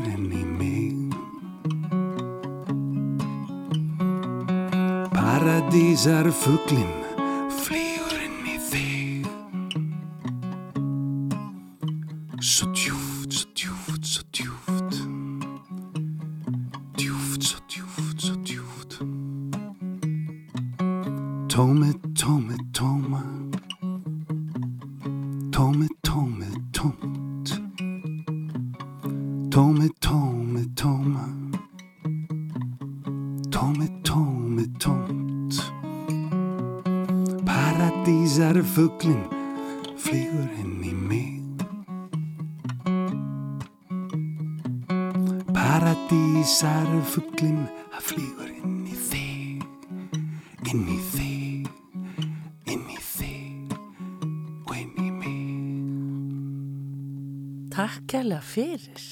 svona segðandi og romantíst. Þakka þið fyrir, Já. þakka þið fyrir, þetta átt að vera það. Já, þetta, við náðum að tóna því hérna aðeins niður eftir átökin hérna um Já, pólitíkinu og ferða. var, ég var að viðkjöna það, þetta var ekki alveg múti sem að var á undan sem að koma svo.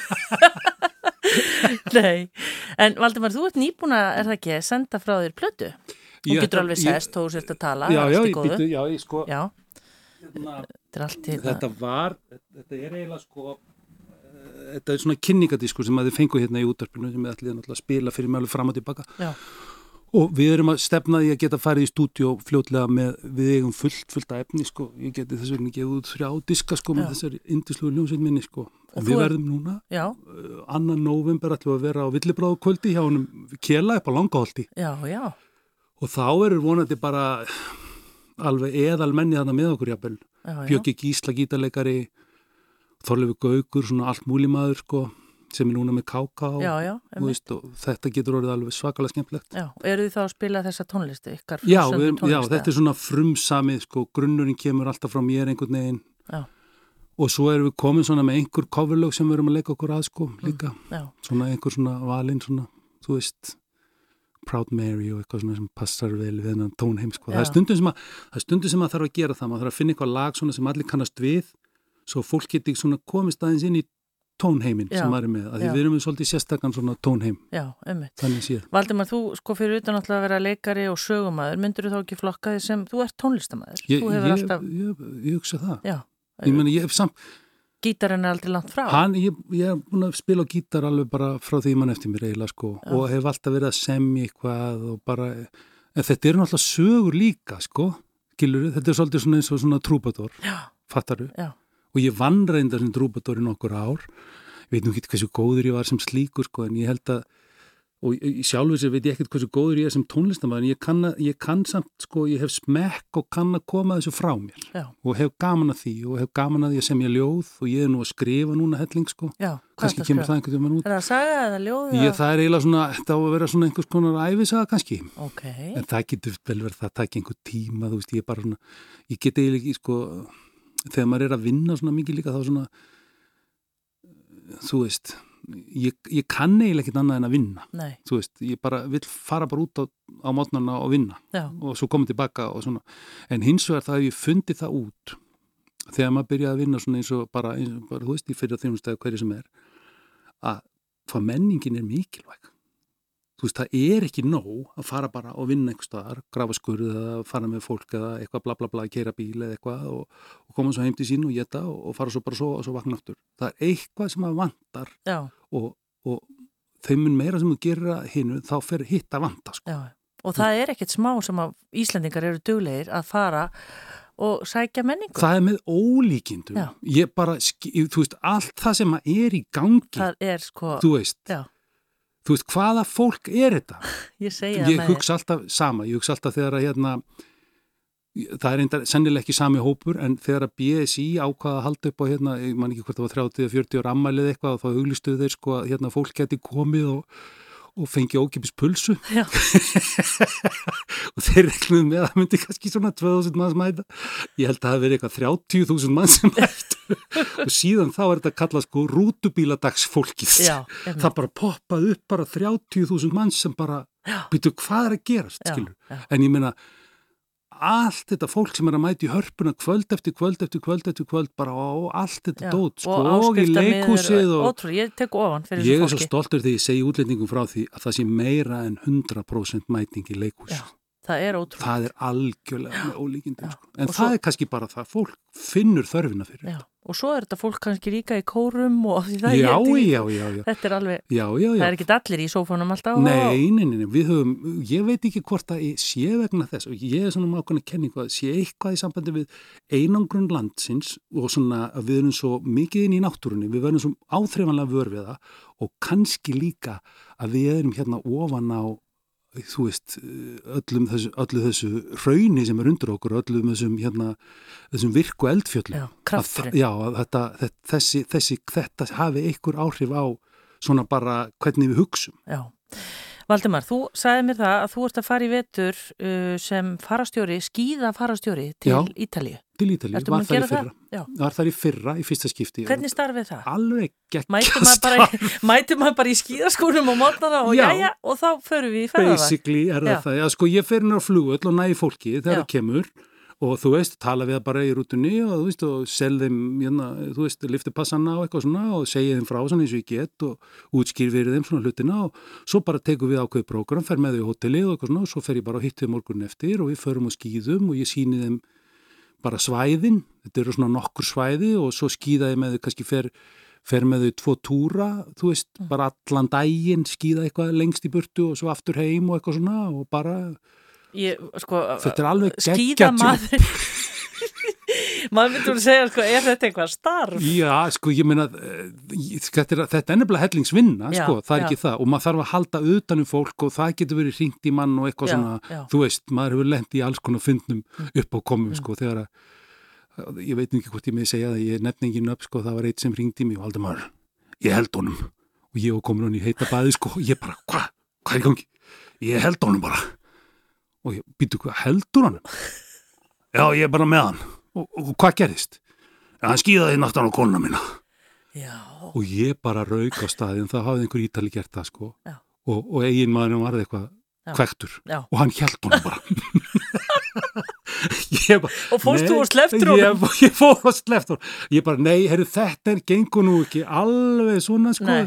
Við fáum bara lögguna, hún tegur bara skýslu og svo bara gerist það sem gerist og eitthvað svona og svo gekk það eftir og þú veist, þetta jafnaði sig En, en, talandi þetta, svona umferðarreglurnar í skíðabrekkunni. Já, það, er mikilvægt reglur, Það er sá sem er, þá sem er fyrir neðan já, hann er með réttin. Já. Það er bara þannig. Já. Og þú veist, ef, ef allir myndu fara til því, já, þá væri aldrei nýtt nei, Það er bara þannig. Einmitt. En það er bara sumið sem glemði. Er ekki líka mikil slishætta í lokdags þegar fólk er búið að fá sér eitthvað í tanna? Maður hefur er þetta ekki eina íþróttu sem að það er einhvern veginn Já, sem er það bara accepterað einhvern veginn. snafsar og eitthvað svo bara fyrir fólk að skýða. ég veit það ekki samt, sko. Nei. Ég er ekkit endilega við sem það. Ég held að sínu freka bara ef fólk er orðið þreytt, sko. Sem já. að þá getur maður að fara í svona gert einhver mistök, Já, sko. já. Svo er þetta líka fólk kannski ofmetur svona hæfni sína. Það getur líka verið. En ferðu þá þarna í þrjá mánuði og er, er, er konaði með Ég er í tvo mánuði, ég er í tvo mánuði. Nú, nú reynda förum við um jólinn, það verður jólaferð í fyrsta skipti, En svona, við erum alveg gaman. kól uppselt og bara geggjuð og Já. ég tek alla fjölskylduna með út í það En og það verður ræðislegt. Svo fer ég aftur strax eftir áramótin og þá verð ég í tvo mánuði Já. og vonandi get ég fengið eins og ég fekk ég fyrir að strákana mína sér til að koma og hjálpa mér einu og eina viku, því það getur verið svolítið mikið, kannski maður er með 80 manns, Já. þá það er svona aðeins að, það getur verið svona í lagi að fá einhvern aðeins með sér í þetta. Já. Ertu ofsalega sáttur í dag bara með starfið þitt? Þú ert náttúrulega væntalega að gera svolítið það sem þér finnst skemmtilegt. Já, ég er mjög sáttur. Ég, það, það eina sem að þarf, ég þarf að gera, ég þarf aðeins að passa mig, sko, núna er ég búin að vera að vinna núna þessar tvo, þrjá mánuði hérna í þessu sísoni hérna heima, þú veist að fara með fólk út um allt og, og hérna það er svona, þú veist, ég tók tvo frítaga á tvei mánuð, Já. Maður þarf að passa sig á þessu, ég er svona komin á endan á því núna, já, þú veist, ég þarf að, fá, ég þarf að fara að fá aðeins pásu, sko, en þetta er ofsalega fínt jobb að hafa. já. En ég það- þetta er líka, þú ert alltaf í samskiptum við fólk og Ég er ert alltaf... ofsalega mikið í samskiptum fólk Já. og, og svo eftir, eftir svona þrjár vikur eða eitthvað þá kem ég heimtímin á kvöldin og, og sigga mín segir, já, já, hvað segir þú? Ég, veist, ég nenni ekki að segja Ég eða. Eða að fara út í sveit og ég bara hvert viltu fara? Hvernig kannski búið frið þeim að fá um tómatsúpu? Já, Sigga mín, ég vil bara vera heima. Já, getum við ekki farið út og fengið okkur eitthvað kannski farið eitthvað út að ég er búin að vera út að borða bara að, veist, ég vil bara vera heima og fá bara ísu eða, eða þosk eða eitthvað, bara gera þetta sjálfur. Já. En er þetta, þarft að vinna svona mikið? Er þetta ekki vel borgað? Nú fyrir við Sko, aftur í pólitíkina. já, jú, sko þetta er betur borga heldur en að leika í ófærð. Já, einmitt. þannig er það nú, sko. Já, en sko maður þarf aðeins að sapna og eiga fyrir hérna rólega tímabili já, einmitt. þú þarft að eiga smá sjóð í endan á sumri, þá þarft þú að vera búin að borga allar reikninga og eiga svona einhverju tvo mánuði fram í tíma. Já. Þá er þetta, fínt sko. Þá getur maður að fara kannski norður í hrísi þar sem að ég á hús og sess niður og skrifa eitt kabla í æfisuguna. En gaman. Valdimar Ördflýgurinn, við hefum getið að tala um svo margt annað en fyrst þú ert að skrifa æfisöguna þá er ég alveg róli